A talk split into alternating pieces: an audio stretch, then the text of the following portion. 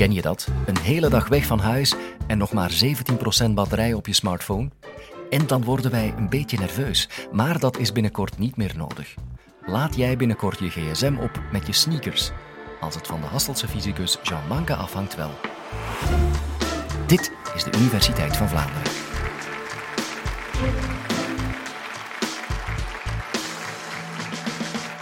Er hangt hier duidelijk heel veel positieve energie in de lucht. En dat komt wel goed van pas, want we gaan zo dadelijk zien of het mogelijk is om energie uit onze omgeving af te tappen via onze kleding, via onze schoenen en deze energie te gebruiken voor onze gsm of andere digitale toepassingen.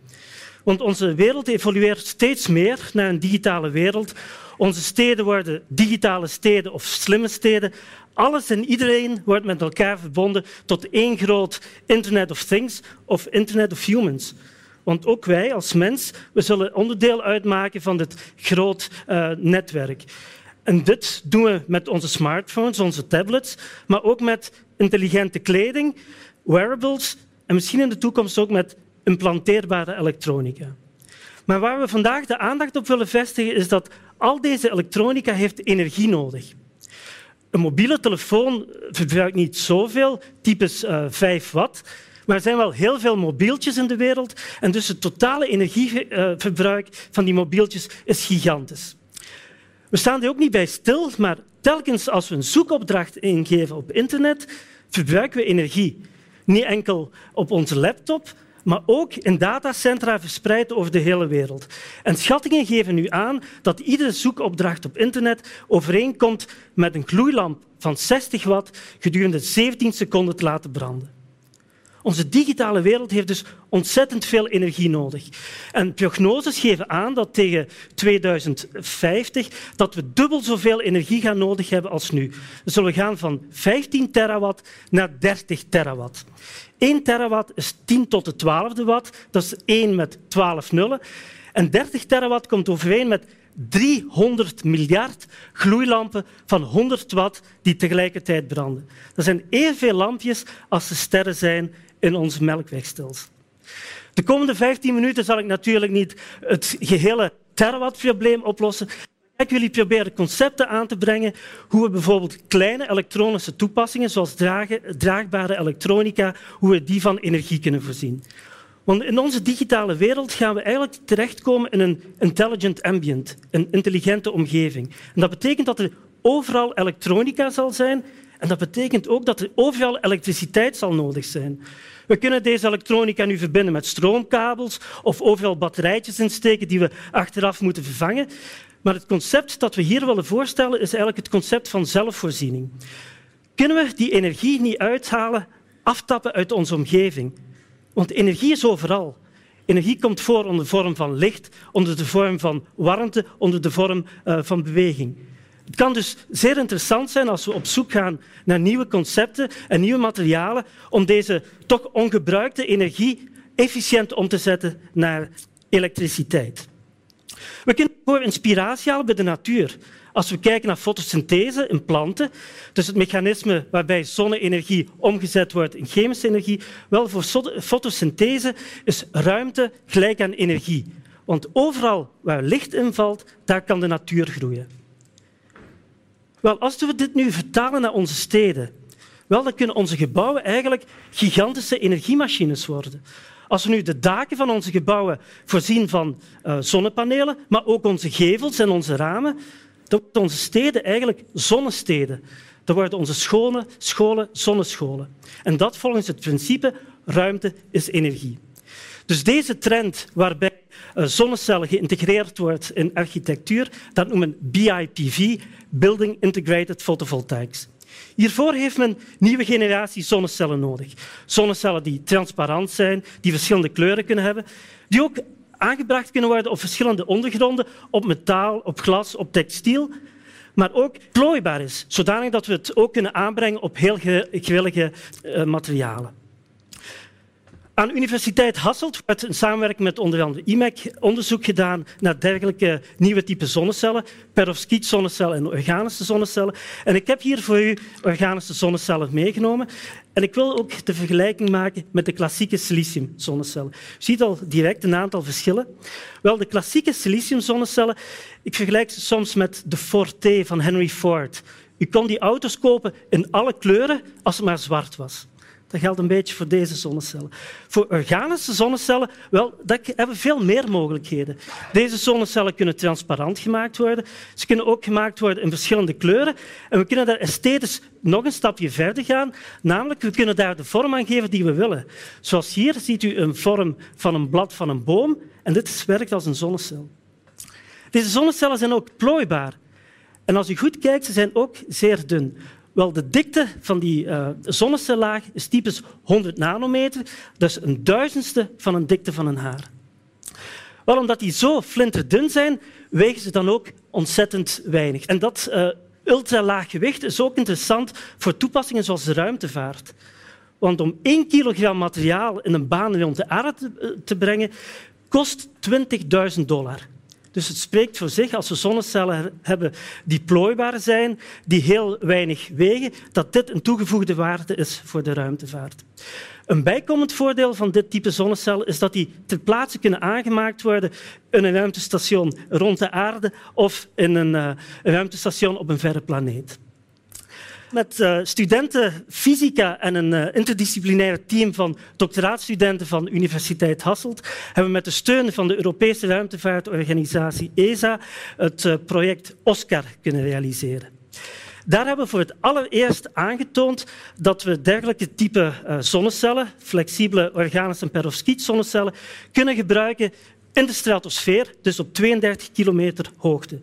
Dit was nu de allereerste keer dat dergelijke zonnecellen gebruikt werden in een niet-aardse omgeving. Maar doordat ze zo licht zijn, zijn ze ook wel interessant voor aardse eh, toepassingen waar gewicht een rol speelt, zoals bijvoorbeeld kleding of draagbare elektronica. Ik heb hier voor u een van de eerste uh, commerciële toepassingen van organische zonnecellen. Dus een draagtas, voorzien van een cover van zo organische zonnecellen. Is dus plooibaar, maar ook heel licht. Dus als we in deze draagtas bijvoorbeeld een tablet of een gsm zullen, uh, zouden aanbrengen, dan kan door het uh, licht dat hier invalt, terwijl we hier zitten, de gsm of tablet opgeladen worden. Een andere toepassing is, is dit hier, dus een, een, een, batterijoplader. Maar om deze zelf op te laden, hoeven we dit niet in een stopcontact te steken, maar kunnen gewoon buiten gaan en energie van de zon gebruiken, zodat we hier beschikken over oprolbare zonnecellen. Een derde applicatie die ik u wil tonen is dit hier. Dit is een elektronische sweater. Dat hebben enkele studenten fysica binnen um, X-Lab gerealiseerd enkele jaren geleden. Um, in deze sweater hebben we elektronica aangebracht, een elektronisch circuit dat in deze mouw uh, aanwezig zit. En wat is de bedoeling van dat elektronisch circuit? Daar zit ook een GPS in geprogrammeerd. Dus als u deze trui aandoet, en we droppen u ergens op een welbepaalde plaats, dan hoeft u enkel de lampjes in die trui te volgen en dan brengt die trui u op een welgeprogrammeerde plaats. Wel, om dit uh, elektrisch circuit nu van stroom te voorzien, hebben de studenten nu de achterkant van die trui voorzien van plooibare zonnecellen. Ik zie al een aantal mensen fronsen. Ik geef toe, het is niet erg modieus, maar het geeft wel aan wat, het, wat, de technologische mogelijkheden zijn. En we denken dat hier, als we veel uh, naar meer crossovers gaan tussen enerzijds wetenschappers, ingenieurs en anderzijds ontwerpers en uh, modeontwerpers en designers, dan kunnen we daar wel prachtige uh, toepassingen mee maken. Hier is uh, al pionierswerk rondgebeurd door onder andere de Nederlandse ontwerpster Paulien van Dongen, die prachtige ontwerpen gemaakt heeft van uh, zonnecellen integreren in kleding. Er bestaan ook al commerciële toepassingen waar zonnecellen in geïntegreerd zijn. Bijvoorbeeld uh, jassen van Zenja Sport, waarvan de kool voorzien is van een zonnepaneel. Daarbij heeft u dus al gezien dat, dat mogelijk is met kleding energie af te tappen uit de omgeving en meer bepaald lichtenergie. Het zou ook interessant zijn als we diezelfde jas of kleding gebruikten om energie te halen uit een andere energiebron. En een heel interessante energiebron, dames en heren, dat zijn jullie. Wel, de mens is eigenlijk een machine van 100 watt. Dus afhankelijk van wat onze activiteit is, zal de wattage veranderen. Dus als we slapen, hebben we een vermogen van 80 watt. Jullie, degenen toch die hier uh, niet slapend aanwezig zijn, is een vermogen van 200 watt. Als we fietsen, kunnen we naar 700 watt gaan. En heel intense sportactiviteiten, dat kan zelfs boven de 1000 watt komen. Wel, deze bewegingsenergie kunnen we omzetten naar elektriciteit. Dat is wat typisch gebeurt met een dynamo uh, aan een fiets. Maar integratie van een dynamo in kleding is natuurlijk niet zo handig. Interessant hierbij zijn de zogenaamde piezo-elektrische materialen. Dit zijn materialen waarbij een mechanische vervorming leidt tot elektriciteit. Dus als we een dergelijk piezo-elektrisch materiaal aanbrengen in onze kleding of in, de, uh, in, onze schoenen, of zelfs als tapijt, zal telkens als we over dat materiaal stappen, kunnen we elektriciteit genereren. Ander interessant materiaal naast piezoelektrisch materiaal is zogenaamd thermoelektrisch materiaal. Dit is materiaal dat werkt op uh, warmte, op temperatuurverschillen. Hier ziet u zo'n element. Wel, als we bij dit element zorgen dat er een temperatuurverschil is van de ene zijde met de andere zijde, dan kunnen we hier elektriciteit mee maken. Stel u voor dat we nu een dergelijk element integreren in sneakers. We gaan dit in de zool van een schoen aanbrengen. Wel, de buitenkant is de buitentemperatuur. Als we onze voetzool daar nu inschuiven, ik zal dit nu doen met mijn handpalm, dus we zullen van deze schoen tijdelijk een handschoen maken. Even zien dat we een signaal hebben. Dan is Vanaf het moment dat ik mijn hand erin steek, misschien de mensen die van voor staan, zullen zien dat het signaal stijgt. Dus we hebben hier elektriciteit gehaald gewoon uit de menselijke warmte. Het is dus mogelijk om energie af te tappen uit onze omgeving op heel veel verschillende manieren, uit de mens, maar zouden ook energie kunnen halen uit de natuur. Wel, er zijn een aantal illustre collega's van mij, eh, zoals professor Gobelijn bij Jommeke, Dr. Brown bij eh, Back uit the Future, die in het verleden al uh, ideeën aangeleverd hebben om bijvoorbeeld met gras of met bananenschil een auto te laten rijden. Wel, die dingen gebeuren nu ook al in het echt, maar dan via een omweg, namelijk via biobrandstoffen. Maar zouden we nu een stapje verder kunnen gaan? Zouden we rechtstreeks uit de natuur elektriciteit kunnen aftappen? Wel, dat noemen we bio-elektriciteit en dat is nu een van de interdisciplinaire onderzoeksprojecten die we binnen onze onderzoeksgroep XLab samen met collega's van CMK, Universiteit Antwerpen en TU Delft aan het uitwerken zijn. Een voorbeeld hiervan ziet u hier. Dit is een moddercel. Dus eigenlijk een hoeveelheid modder, waarbij we twee elektrodes aangebracht hebben, ene van boven en ene beneden. Deze elektroden zijn verbonden met een elektronisch circuit en een klein lampje. En als u goed kijkt, gaat u zien dat er af en toe dat klein lampje flikkert. Wel, we hebben hier nu elektriciteit gehaald uit de modder. Hoe komt dit nu? Wel, in deze modder zitten bacteriën. Deze bacteriën zullen bij het opnemen van voeding, we hebben hier zo'n uh, klokkenhuis van een appel ingeplaatst. Het omzetten van die voeding geven ze elektronen af, dus elektrische ladingsdragers. Die kunnen nu opvangen en we kunnen daar elektriciteit mee maken. Wat is nu een nadeel van dit systeem?